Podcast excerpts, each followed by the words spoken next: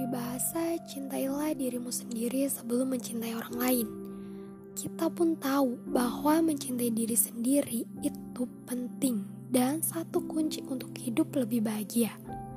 Namun, kita sering lupa diri.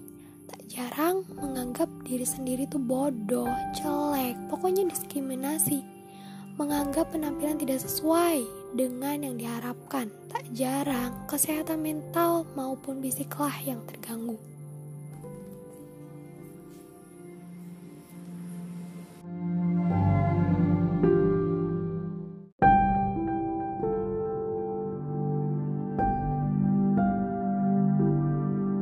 Pikir baik terhadap diri sendiri.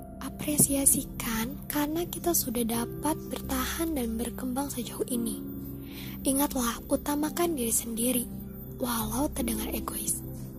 Kita tahu ada saatnya mengutamakan orang lain, menerima kesalahan diri sendiri, tidak membandingkan diri dengan orang lain, tidak usah khawatir dengan opini orang lain.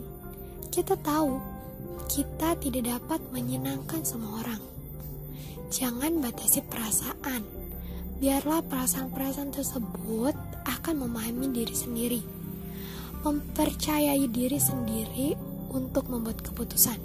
Ingat, kita lebih mengenal diri kita. Dengan mencintai diri sendiri, kita juga belajar untuk belas kasih pada diri sendiri, sehingga bisa menerima kelemahan dan kelebihan yang ada.